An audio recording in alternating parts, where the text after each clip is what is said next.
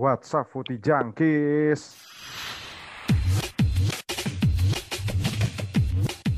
Tahu apa kamu soal bola? Yo, what's up, Footy Junkies? Tahu apa kamu soal bola bersama gue Tanti Ojek di sini di hari Minggu. Dan saya. Oh, ya, tadi ada Huda juga nyaut. Akhirnya Huda kembali lagi setelah. Karena udah nggak di puncak Jack, jadi dia balik lagi. Oh iya, Ngader ya. Saya turun gunung, Pak. iya ya. Iya si si Huda kemarin gimana? Hud, udah mukbang jagung abis berapa banyak lo sama wedang ronde gitu-gitu? Sama Alah.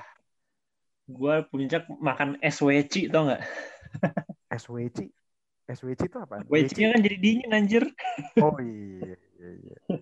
Ya kita sudah full back apa full back lagi apa full comeback lagi nih ada Ferry juga. Gimana ada Aldi juga. Gimana weekend kalian nih kira-kira nanti? Ini kan uploadnya weekend ya. Iya sih. Cuman gue juga bingung ditanyanya nih. Iya. Gue gua kali gue gue Weekend ya, ngapain lu? Di? Seperti biasa. Lu weekend ngapain biasanya? Di? Oh, Ngurus anak. mengurus sekarang, ya? anak sekarang ya kegiatan gue. Ya udah nanti mungkin kalau ada kalau uh, ada bola karena ada bola juga gue nonton sih paling. Oh, iya. Enak ya jadi begadang-begadang ada yang nemenin di sekarang di. Asli bener. Iya sih.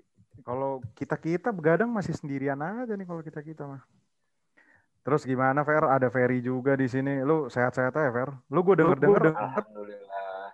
gue denger-denger kemarin ini lo bikin petisi-petisi nggak jelas lo di Twitter. ngapain bikin ini bikin apa Liverpool beli back Iya katanya lo mau bikin petisi Liverpool beli back ya. Tadi juga udah ada suaranya Huda juga.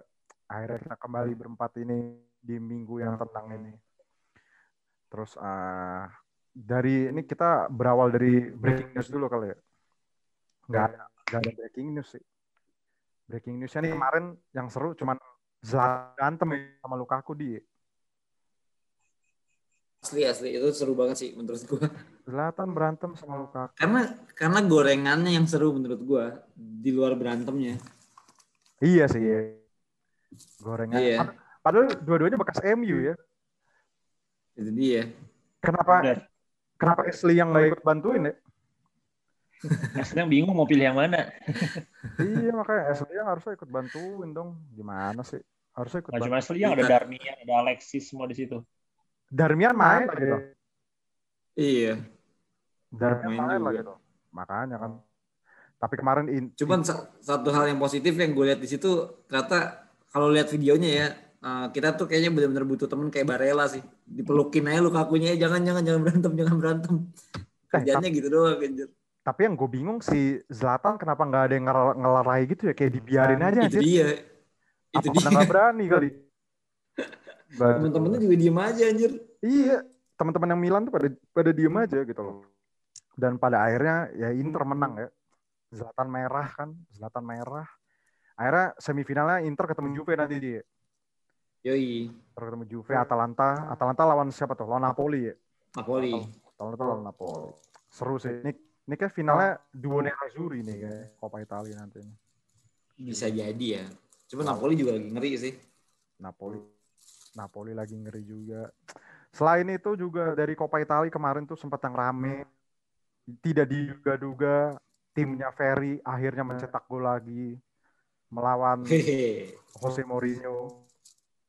Tapi di balik kemenangan itu ada konsekuensi lagi Fer ya. Joel Matip cedera lagi Fer. Udahlah Fer. cedera Jumatnya cedera lagi udah nggak punya back di Liverpool tinggal bocah doang Bener-bener udah habis berarti ya. Ah, tapi menurut Dia gua tahu. Mourinho juga emang payah nggak sih? Tottenham lawan Liverpool. Mourinho ya kayak gitu aja, masih aja. Saklok. kayaknya tot kayaknya Tottenham itu selalu payah deh kalau main lawan lawan lama Liverpool gue juga nggak tahu Tapi terkadang tim kayak Tottenham nih kalau main lawan tim kayak Liverpool lawan City gitu malah bisa ini. Dia kadang tuh lawan yang tim-tim kayak Newcastle kayak Aston Villa gitu pasti rada bingung juga tuh kadang kan. Tapi lawan Liverpool malah biasanya gacor. Tapi lawan City sih dia biasanya malah hoki ya si Jose Mourinho ya. Ya biasanya lawan lawan City lawan City lawan Chelsea yang kayak gitulah. Nah, Saya nggak tahu kayak kalau lawan Liverpool tuh biasanya paling mentok-mentok tuh seri lah mereka itu tapi jujur sih gue juga nggak nonton sih ngantuk banget gue gila masa begadang terus anjir nggak akhirnya Liverpool cetak lagi tapi kita timnya Huda tidak disangka-sangka lagi bagus-bagusnya, coy. Lagi bagus-bagusnya lawan tim peringkat 20, Hud. Gimana, Hud? Lo ada komentar nggak, Hud? Ah, itu itu menurut gua apa ya? Enggak sih emang ya menurut gua jelek mainnya. Uh, bukan jelek sih, kayaknya susah banget deh ngebongkar lawan ini ya, lawan apa? Lawan uh, tim yang Park the Bus itu kesulitan ya itu Hmm. yang gue lihat ya. Itu satu. Terus kedua ditambah kontroversi wasitnya, itu menurut gua gua agak kesel, agak gedek juga sih Ah, yang gol pertama si De Gea tuh kayak di peluk gitu kan sama Billy Sharp tapi gak pelanggaran terus giliran si Maguire kayak gitu aja pelanggaran itu lalu tapi ditambah kayak ada kesalahan De Gea nggak sih? kawan-kawan sih kenapa Kayak ada kesalahan De Gea nggak sih yang gol Sheffield pertama dia tuh kan kayak ragu-ragu mau maju gitu kan. Akhirnya udah keduluan Benar maju. sih, benar. Nggak sih? memang tapi tapi kan kalau lihat tayangan ulang ya menurut gua apalah gunanya VAR gitu kan kalau misalkan nggak mau dicek dulu gitu ya itulah terlalu terlalu Terlalu apa ya naif. gue lihat ya iyalah naif juga lah dengan adanya VAR ya Tapi sebenarnya nikmati aja sebenarnya yang lawak sih gol keduanya sih Hud. Gol keduanya Sheffield. Iya, hancur banget kan itu, eh, Itu- pertahanan itu memalukan lah menurut gua. sih. Anjir itu udah kayak Sunday League anjir kalau lu lihat replaynya sumpah. Nggak jelas anjir. Gue juga bingung. Lu lihat nggak sih di yang gol keduanya Sheffield anjir udah kayak Bukan lah itu viral banget. Eh gue sambil makan nih BTW buat yang dengerin di pojok. Oh, juga iya. gue tiba-tiba mesen mesen GoFood. santai. Ini kan kita lagi PSBB gitu kan. Jadi makan jam segini emang. Nggak ada hubungannya. Emang ada yang buka jam segini di PSBB gua masih bebek. Nasi bebek pak, nasi bebek. Anjir jadi ngomong. anyway, tapi tapi menurut gue eh, yang viral videonya MU itu parah sih Hud. Maksud gue menunjukkan betapa tidak ada hasrat untuk menjaga keunggulan, menjaga kehormatan tim anjir kayak gitu. Enggak Ya, maksudnya makanya menurut gua itu tambahan aja udah ditambah susah ngebongkar pertahanan Sheffield eh ditambah ngelawak gitu eh, pertahanannya. Ya udahlah itulah ininya apa namanya eh batunya lah akhirnya kebobolan lah dengan cara yang tidak enak gitu kan. Tapi, Tapi kan sebenarnya nanti kan lawan? Arsenal. Mungkin podcast ini naik ketika Ars- lawan Arsenal udah kelihatan ya hasilnya. Mungkin itu sih. Belum eh belum kan mainnya minggu kan minggu malam enggak minggu pagi pak. Jam setengah satu. Bukan minggu malam ya? Salah. 00.30 kalau nggak salah. Coba gue sambil let me check man. Tapi sebenarnya yang yang apa ini tuh sebenarnya kekalahan MU ini kayak karma sih. Karma fans MU ke fans Liverpool kayaknya fair ya nggak sih? Soalnya kan kemarin nggak. yang pas Liverpool kalah sama Burnley kan kan berisik banget fans MU kan? Iya emang. Cuman cuman eh tapi kayaknya kita juga ber apa sih eh, tidak berekspektasi banyak kasih ke MU eh, title race-nya gitu kayak one way another gitu kan tiba-tiba MU pasti ada aja keplesetnya gitu kan. Cuman Iya. gua gua juga kaget secepat itu gitu. Kita baru ngomongin minggu lalu tuh kayaknya ngebagus-bagusin MU gitu minggu minggu sekarang udah kalah lagi sama Sheffield lagi. Itu kayaknya Sheffield kemenangan kedua ya. kemenangan Dua, kedua kedua namanya lawan Newcastle dia tuh ngalahin dua New- dua United cuy di Liga Inggris musim ini. Tai banget ya. Ngalahin dua United, yang satunya yang katro, yang satunya yang lagi di atas gitu loh. Oh iya bener, by the way bener Arsenal tuh setengah satu bener malam minggu berarti ya. ya jadi menurut gua pembuktiannya lagi kan nanti mungkin pas podcast ini naik kan kayaknya kan siapa tahu kalau MU menang kan ya beda beda cerita lah menurut gua Hmm. tapi kalau kalah wah, udah emang ta- pantas kita jelek-jelekan Ya coba. Ini fakta fakta lain soal kemenangannya Sheffield kemarin, gue baca di Twitternya mereka ini kayaknya kemenangan pertama tim dari Yorkshire ya. Di, Terakhir ini, kali- di, di Old Oh di di Tra- Old Trafford ya. Ini terakhir Hmm. terakhir kali menang mereka tahun berapa katanya 70 apa berapa anjir? Apa pertama kali menang ya? Makanya. lupa lah kalau nggak salah. Mungkin di era Premier League kali ya. Ah, eh, kalau era Premier League mungkin pertama pasti pertama kali. bisa ya bisa masuk arah sih era Premier League Sheffield United juga era Premier League juga nggak tampil banyak kan soalnya Sheffield Baru United. baru baru berpromosi musim kemarin. Iya. Hmm. Tapi di samping itu banyak kejadian memalukan juga nih kan kemarin Axel Tuan ya, yang melakukan deflected ya. Itu jatuhnya gol bunuh diri apa ke gol nge- ke golnya sih? nggak ngerti sih Pokoknya suruh tutup timeline itu kok rame banget ini Hud yang, yang si Tuan di sama Ferdinand ya. Ya akhirnya si Tuan ZB sama si Martial, Martial kan emang lagi katrok nih belakangan ini ya, jadi korban sasaran rasis lagi. Dan yang lebih memalukan lagi kan si Rio Ferdinand tuh bikin di Twitter gitu kan nge-screenshot gitu ya. Itu ada nama-nama orang Indonesia anjir yang rasis-rasis anjing bego banget sih menurut gue. Iya. Iya emang. Lu nggak ikut-ikutan kayak gitu kan Hud? Enggak lah. Alah. Ya, udah pakai alter. Iya lu pakai akun-akun alter gitu ya. Enggak, gue langsung DM. Langsung DM ya. Ego lu gitu. Eh, bego lu. Sebenarnya Tapi sebenarnya tidak rasis, saya kan Nah. tidak rasis.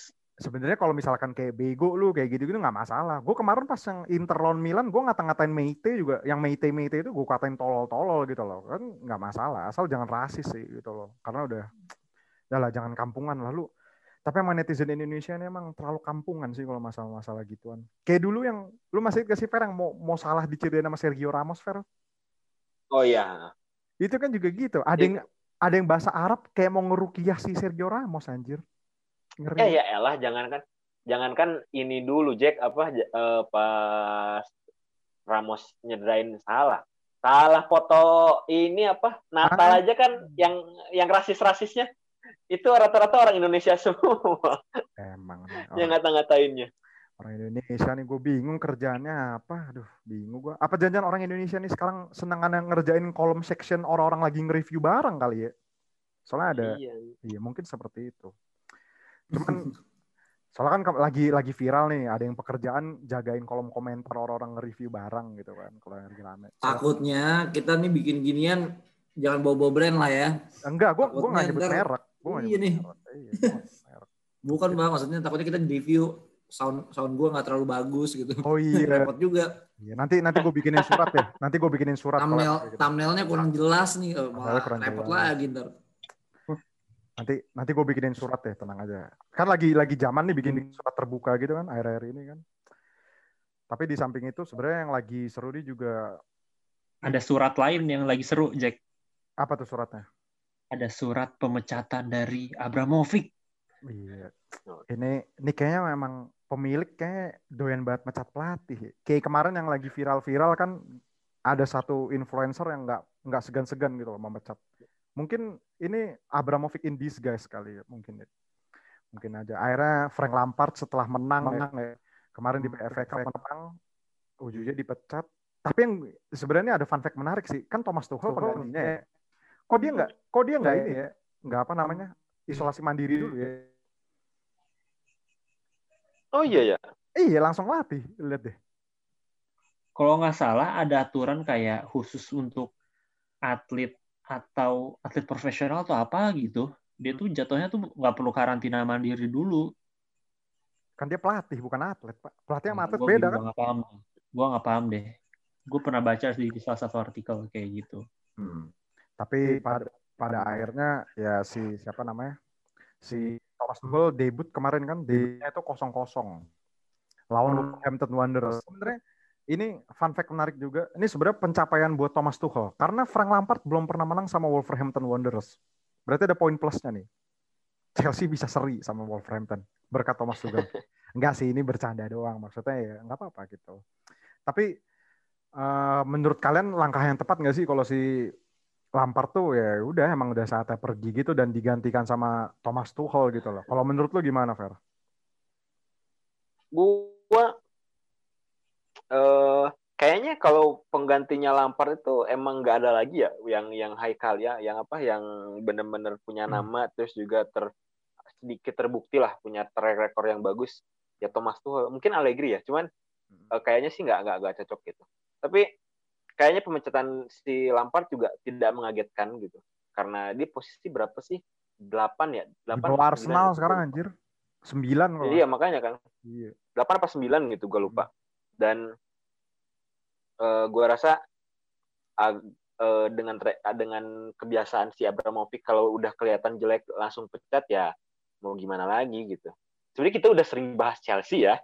Kayak Frank Lampard kayak kebingungan mem, apa memakai pemainnya gitu. Cara mainnya cara main dianya itu beda gitu. Ketika pengen bola-bola bawah ternyata nggak bisa malah endingnya tetap menggunakan Giroud dan Ab- Tammy Abraham dan sebagainya lah. Mm-mm. kayak nggak bisa memaksimalkan si Werner, si Ziyech, bahkan kayak Havertz juga kayak gitu kan. Jadi nggak mengagetkan lah hitungannya. Tapi padahal kan kayak di awal-awal tuh kayak Lampard kayak promising banget nggak sih kayak menjanjikan banget ya sih anjir.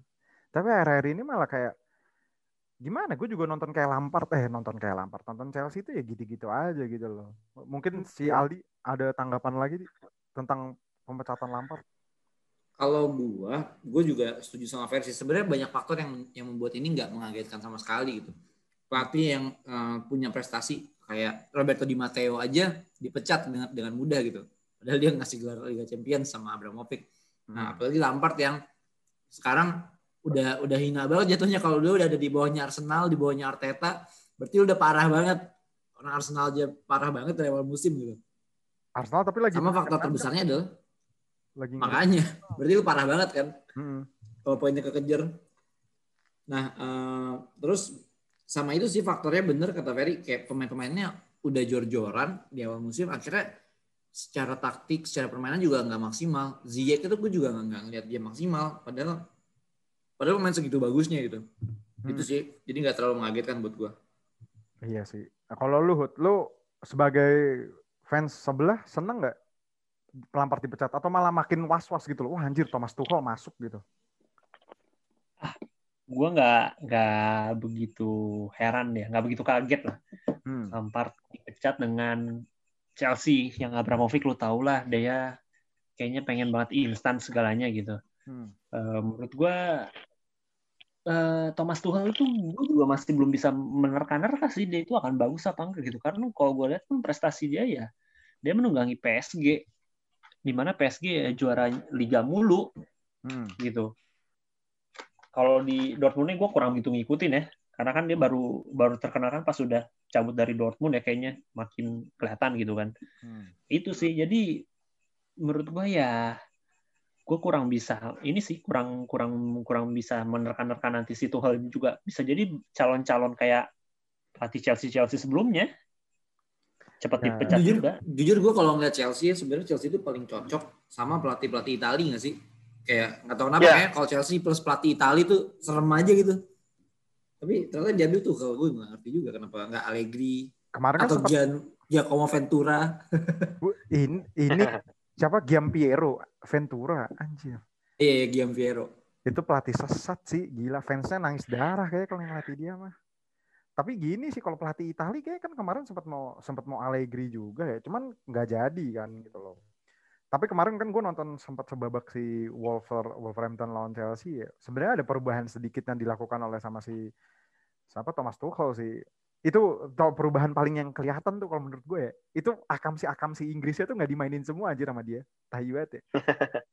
kayak yang kayak siapa Rhys James terus siapa Mason Mount, Tammy Abraham itu nggak ada yang main semua itu, yang kayak langganan-langganan Lampard gitu. Terus kalau menurut gue si Tuchel ini mungkin bisa kayak pak apa namanya eh, expert-expert pandit-pandit sepak bola yang selalu berpesan sama Lampard tuh kayak lu coba deh main pakai double pivot gitu loh. Nah si Tuchel tuh kemarin sempat main pakai double pivot kan, si Jorginho sama Kovacic gitu loh. Tapi emang Kovacic kurang sih, emang yang paling bagus tuh Kante gitu loh.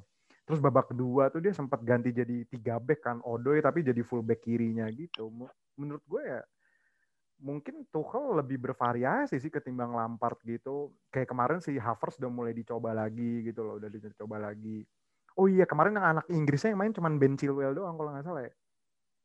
Gue bingung deh kenapa Marcos Alonso nggak pernah dicoba ya. Padahal menurut gue Marcos Alonso masih lebih bagus nggak sih Fer, daripada Chilwell. Kalau menurut lu gimana? Fer? eh gue setiap kali gue setiap kali nonton Marcos Alonso itu dia tuh kalau overlapping nggak pernah turun Jack dia tuh lebih lebih cocok wingback sih dibandingin fullback makanya buat gue eh, alasan kenapa si- siapa eh, Lampard beli Chilwell juga ya karena gitu ya Kak. Marcos Alonso emang bagus buat bombing ke depan gitu kan crossingnya tendang apa eh, tendangannya dan gitu emang emang bagus cuman dia tuh eh, by- waktu musim kemarin eh, Chelsea itu banyak kebobolan ketika si Marcos Alonso jadi back.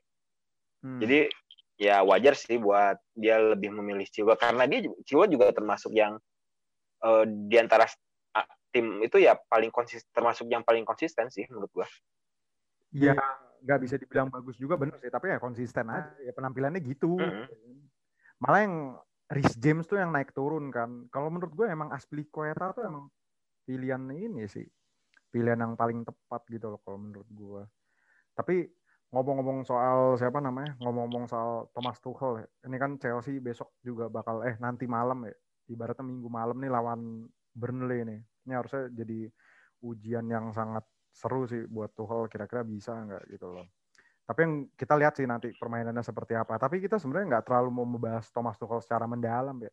Kita tuh sebenarnya pengen tahu sih nasib Frank Lampard ini kira-kira bakal jadi gimana gitu loh setelah setelah apa namanya setelah dia dipecat Chelsea gini. Gue tuh kadang punya berpikiran pemikiran seperti ini deh. Kenapa sih legend-legend kayak gini, pemain bola kayak gini kayak Lampard lah, kayak siapa ya? Kayak Steven Gerrard lah katakanlah.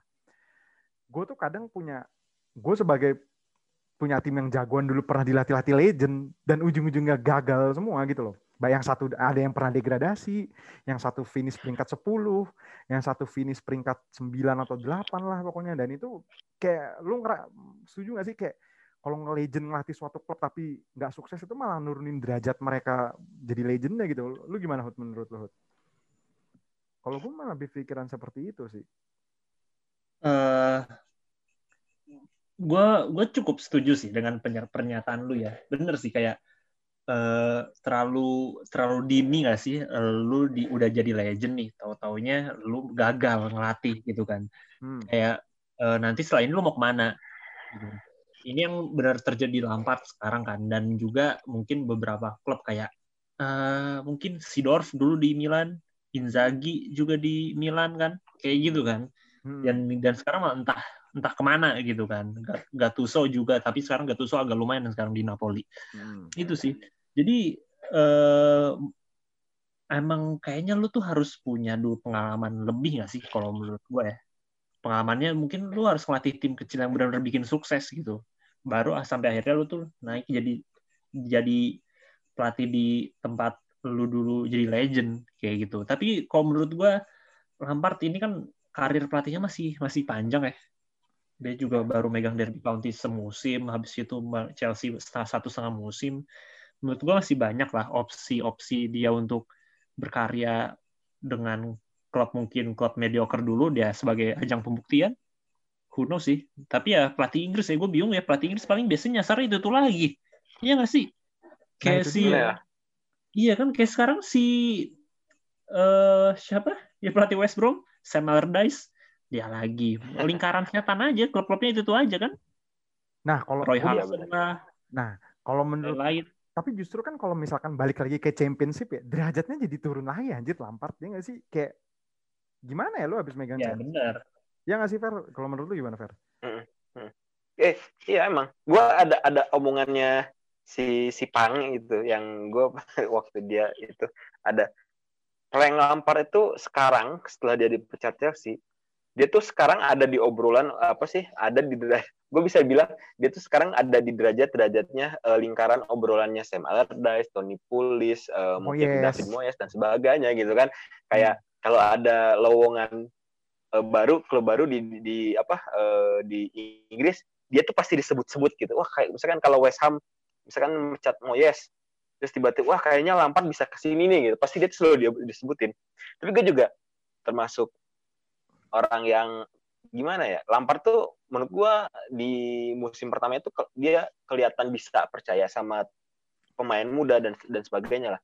Hmm. dan gua rasa kalaupun dia uh, memilih untuk ya pasti dia ngelatih lagi sih. Kalau gua gua rasa uh, kayaknya sih mending mending, di, mending dihindarin championship nggak sih? Ya, kayaknya sih kalau kalau menurut gua ya yang paling tepat itu pindah liga aja gitu ya mungkin eh, kayak nah. kayak siapa? Kayak kayak Gerard nah. gitu kan kayak Gerard atau enggak ngikutin kayak Rogers gitu kan. Rogers juga kan habis dari Liverpool uh, ke siapa? Ke Celtic kan. Di Celtic dia uh, bagus gitu terus diambil sama Leicester City. Dan sampai sekarang kan menurut gua lu kalau lu pindah ke championship lu turun derajat dan lu nggak bisa uh, bersaing di level tertinggi gitu kan. Kalau lu hmm. hitungannya ya kalau kalaupun lu nggak bisa ke Spanyol atau ke Jerman atau iya ke negara-negara kecil lah gitu ke Austria kek ke Portugal kek ke ke mana ke Belanda kek kali Indonesia- aja bisa li- bisa liga juara era divisi kayak Steve McClellan gitu kan Nah, oh iya kayak Alan Pardu kan juga kemarin kayak itu tuh. Ado Den Haag kan ujungnya dipecat tapi aja. iya ke Ado Den Haag. Nah, kalau menurut lu di gimana di? Lampard nih kira-kira bakal buka kafe apa gimana di? Setelah dipecat di? Tapi gue eh, nyambung ke pernyataan lu yang pertama kali ya. Maksudnya, Hmm. if you are one of the greatest of uh, the club history, Hmm. mendingan ambil langkah yang ditempuh sama Zanetti atau Maldini sih menurut gue atau Nedved gitu ya. Ah, Lu langsung masuk ke manajemennya aja daripada lu capek-capek gitu mem- mempertaruhkan reputasi lu untuk jadi pelatih gitu.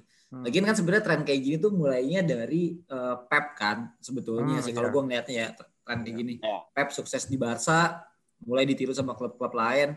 Zidane sukses juga di Madrid, Hmm. tapi nggak nggak semuanya akan seberuntung itu. Gue ngeliat sekarang kayak Lampard, Pirlo, itu kayak tinggal nunggu waktu doang gitu loh. Gue nggak ngerti si Pirlo mungkin belum bisa dibuktikan banyak lah karena di Serie A dia masih bicara banyak. Mungkin di Champions gue nggak yakin dia bisa bicara banyak. Kayak gitu sih kayak, kayak tinggal nunggu waktunya doang menurut gue. Terus kalau ke mana Lampard, gue setuju sama statementnya Ferry. Jadi daripada lu muter-muter di lingkaran setannya pelatih Liga Inggris, terus jadi kayak cuma diisuin Aston Villa, West Ham, mendingan lu keluar sih. Dia ke Scotland atau ke mana, kayak gitu sih. Atau jadi kayak ini aja, kayak Gary Neville, jadi SJW Twitter. Ah iya, kalau nggak jadi jadi pundit aja kalau nggak kayak Paul Scholes gitu-gitu kan. Iya. Yoi. Atau atau lu jadi klub ini, jadi pelatih klub Amerika kayak Phil Neville aja. Klubnya Beckham. Oh iya, Phil Neville jadi pelatih Kayak di si Henry juga. Iya, Thierry Henry itu juga kan di Liga MLS gitu. Tapi emang Montreal. berbicara eh Montreal ya? Montreal kalau nggak salah Montreal. Yang Inter Miami itu siapa ya? Phil Neville itu ya? Phil Phil Neville. Phil Neville. ya? Angri itu Montreal kalau nggak salah Oh iya ya, Angri itu Montreal. ya. Benar-benar. benar. Tapi emang gimana ya? Kalau ke Liga Belanda, tapi kalau ke Liga Belanda tuh one of one of satu dari sekian banyaknya pelatih Inggris siapa yang ke Liga Belanda ya? Gue sih taunya cuma Alan Pardew. Steve McClellan Bisa iya Steve mesti McLaren. McLaren. Dan itu juga ajaib banget ya bisa menang anjir. ajaib itu Itu bener-bener ajaib sih.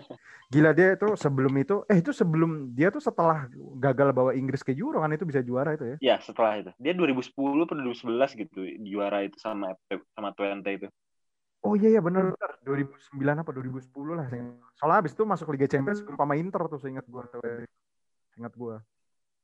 Tapi gue punya pertanyaan sih. Emang apakah emang gimana ya kapabilitas pelatih Inggris tuh emang cuma segini doang gitu ya? Nggak ada maksudnya nggak ada kredibel, bukan kredibel sih. Maksudnya apakah emang dia terlalu stagnan dengan pemahaman formasinya atau taktiknya itu nggak bisa adaptif seperti pelatih-pelatih yang top di Liga Inggris lah contohnya kayak Jurgen Klopp lah atau Pep Guardiola gitu loh atau atau Ralph Hasenhuttl kayak pe- pelatih kayak Ralph Hasenhuttl itu juga menurut gue pelatih underrated sih di Liga Inggris tuh oke Ya. juga gitu loh menurut gue gitu loh. Apakah emang stagnan gitu nggak sih Fer? Jadi terlalu konservatif gitu nggak sih? Seperti kayak pelatih-pelatih Itali lah katakanlah sama aja gitu. Wah, gua, gua, gua rasa nggak stagnan sih karena gua ngelihat eh, siapa eh, pelatih-pelatih. Oke, mungkin kalau generasinya Alan Padro ke bawah oke lah dia kayaknya termasuk yang bapuk sekali gitu Jelas kan. itu. Cuman ya itu mah udah udah udah bapuk lah. Cuman kayaknya kalau generasinya eh, Brendan Rodgers ke atas lah eh, itu dia termasuk gua rasa udah mulai mengikuti eh, trennya pelatih-pelatih modern lah. Cuman Tapi Brendan Rodgers bukan Inggris kan dia ini kan. dia ya tapi dia Wales. orang UK gitu kan Iya. orang Wales dia Hmm. eh bukan dia tuh orang ini eh, no- Irlandia Utara.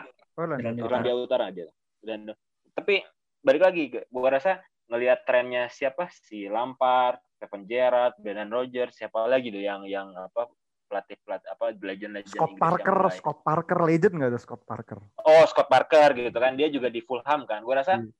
ada perubahan secara taktis lah buat buat apa buat pelatih pelatih Inggris cuman masalahnya standarnya itu masih masih low banget gitu loh mereka tuh kayak mendapatkan job besar eh, terlalu cepat eh, dan tanpa kualifikasi yang baik gitu kan gua ras- ya baru bandingin kayak gue kita pernah ngobrolin soal ini kan Jack soal, soal akademinya akademinya Jerman, Jerman. pelatih di Jerman gitu kan pelatihnya. Masalahnya gini, buat nge- buat dapat lisensi se- ya selevel A gitu kan, eh, selevel pro license di UEFA dari dari akademinya Jerman, lu perlu 1000 jam 1000 apa empat- eh, 800 jam eh, untuk ngelatih gitu kan di, Hmm. di entah di level apa pun gitu. Di Inggris tuh kalau di Inggris FA itu bisa setengahnya gitu buat buat mendap- mendapatkan lisensi serupa gitu. Gua, gua rasa eh, peningkatan kualitas emang perlu sih. Gua rasa dari dari segi kualitas aja sih. Dia Hmm. perlu pengalaman dan sebagainya gitu. Karena lu kita mau ngebandingin Pep sendiri, ya Pep udah pernah sebelum di Barca B dia eh, berguru dulu ke si ke Bielsa lah ke Argentina terus ke mana dulu ke mana dulu gitu kan. Hmm. Sebenarnya ada satu sih Fer pelatih Inggris yang benar-benar menurut gua revolusioner ya, dari salah sisi taktik dan sepak bolanya. Itu cuma satu yang benar-benar gue bisa ngeliat. Gareth Southgate doang menurut gua.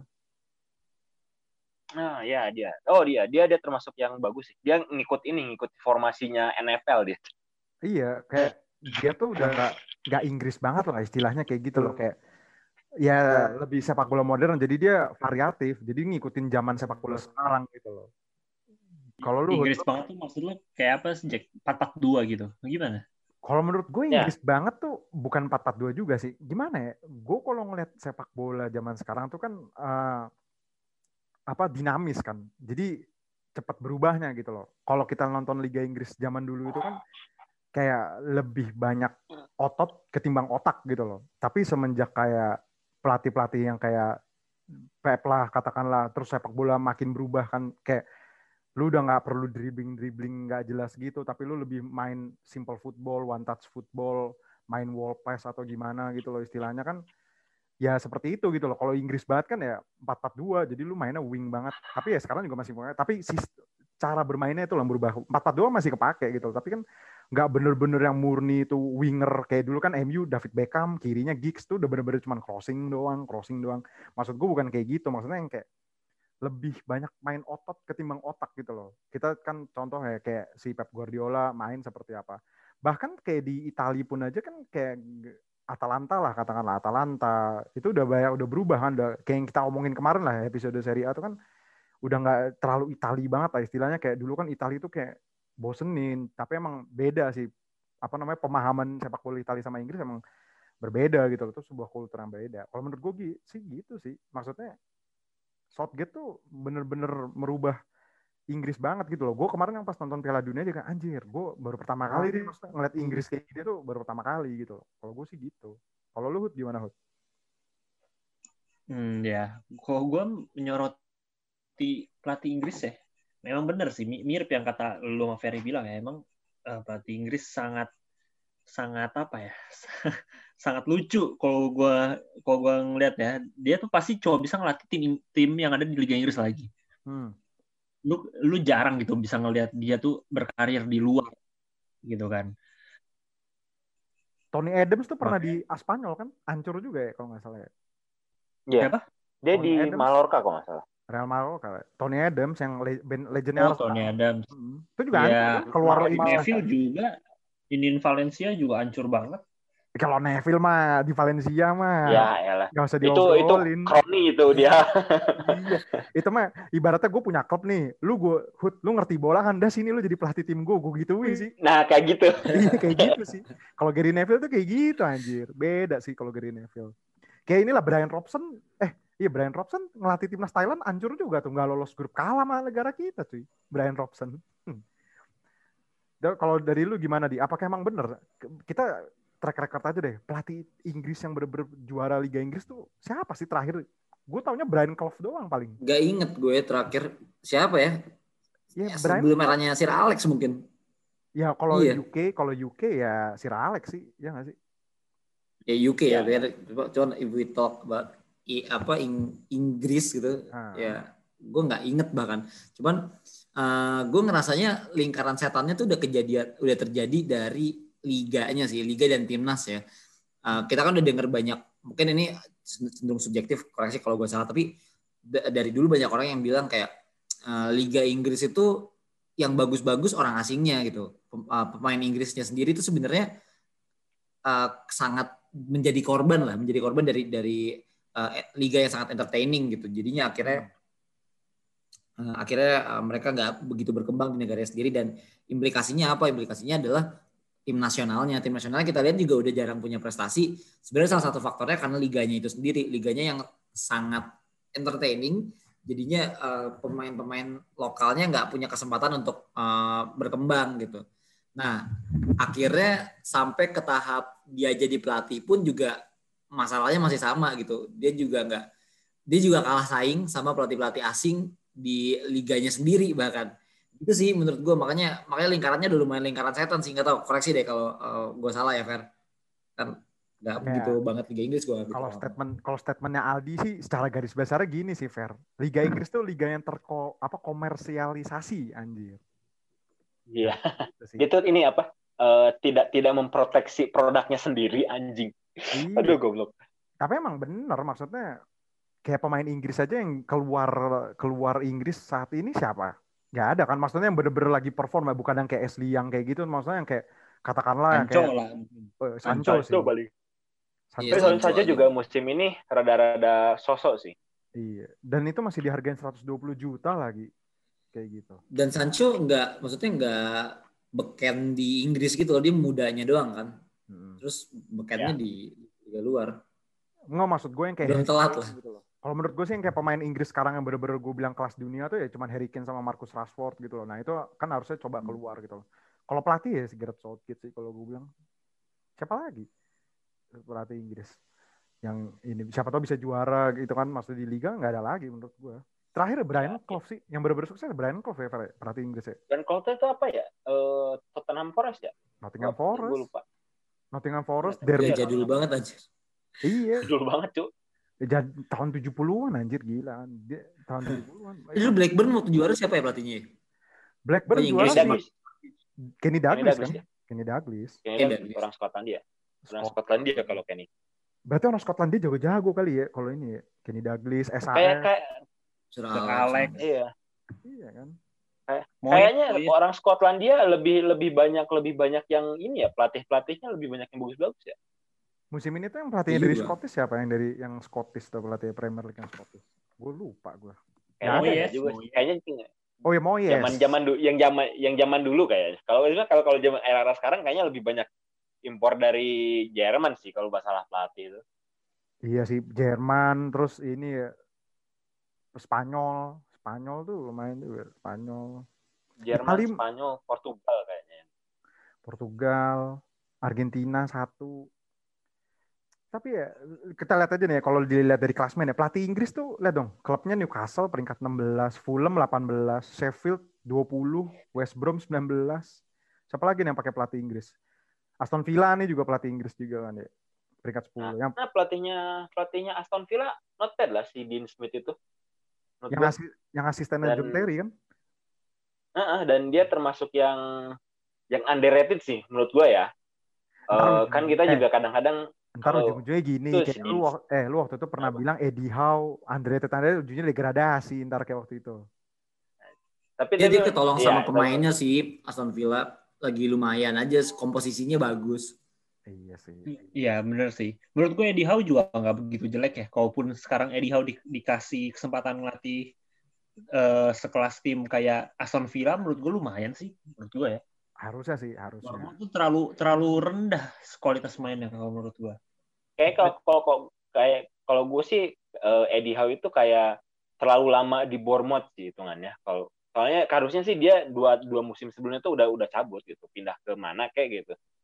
Iya, dia tuh dia selama selama di Premier League sampai di bahkan sampai sekarang tuh masih Eddie Howe terus ya Bournemouth ya. Gila dia. Enggak, eh, enggak. degradasi enggak. udah udah enggak deh. Eddie Howe nggak lagi nganggur dia. Oh, lagi nganggur. Mundur dia. Ketika degradasi dia mundur. Wah itu kesempatan Newcastle nih daripada oh iya deh bener deh nganggur dia. Ya, dia daripada daripada Steve Bruce.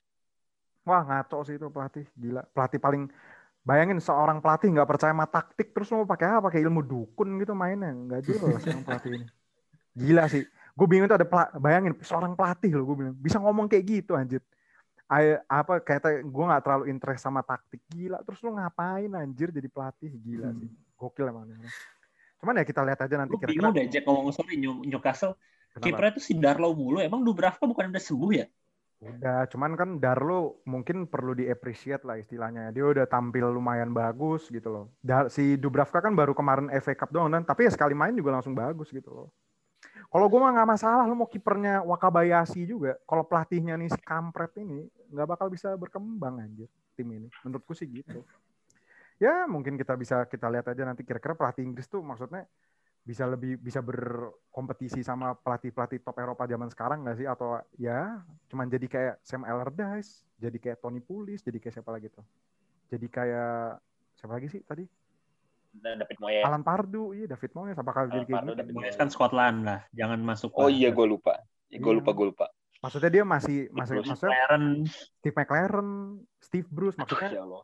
maksudnya pelatih kira-kira bakal ada pelatih Inggris yang bener-bener bisa berbicara banyak nggak sih kayak Pep Guardiola lah kayak Klopp atau Zidane dan lain-lain lah kita Yang lihat. Gerrard kali ya. Gerrard kayaknya next big thing juga deh buat kepelatihan. Gue gue gue sempet gue kayaknya berharap banyak ke Gerrard sih.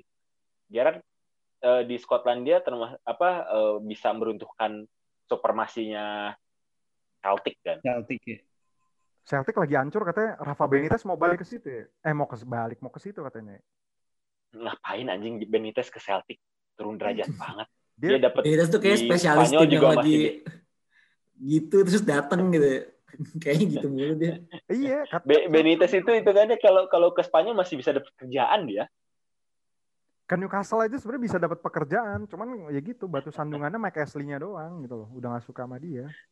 Hmm. Gitu. Oh, menurut gua mantap tuh di bawah arahannya si Buset Ini. jauh banget Hud. Kalau walaupun Newcastle tim katro ya, cuman kalau dipegang sama si Steve Bruce sama si Rafa Benitez beda banget gitu loh. jauh sih benar. Jauh banget, patternnya kelihatan banget.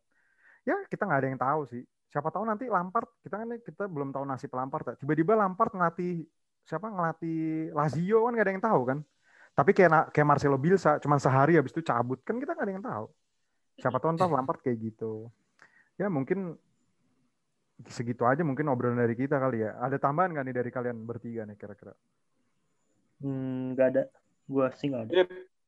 Gak ada lah. ya. Semoga sukses nggak saya buat Lampard ke depannya lah. Hmm. Iya, Semoga betul. Lampard semoga Lampard gue doa Lampard sih semoga dia nggak bikin bawa-bawa acara-acara adventure-adventure kalau di TV swasta gitu sih semoga dia nggak, nggak kayak gitu sih semoga ya tetap aja lah atau bik- bikin klub aja kayak David Beckham apa beli beli klub ya kayak David Beckham lah kalau enggak lah investasi gitu ya mungkin segitu aja. Gue Tanti Ojek dari sepak pojok dan teman-teman saya juga. Tahu apa kamu soal bola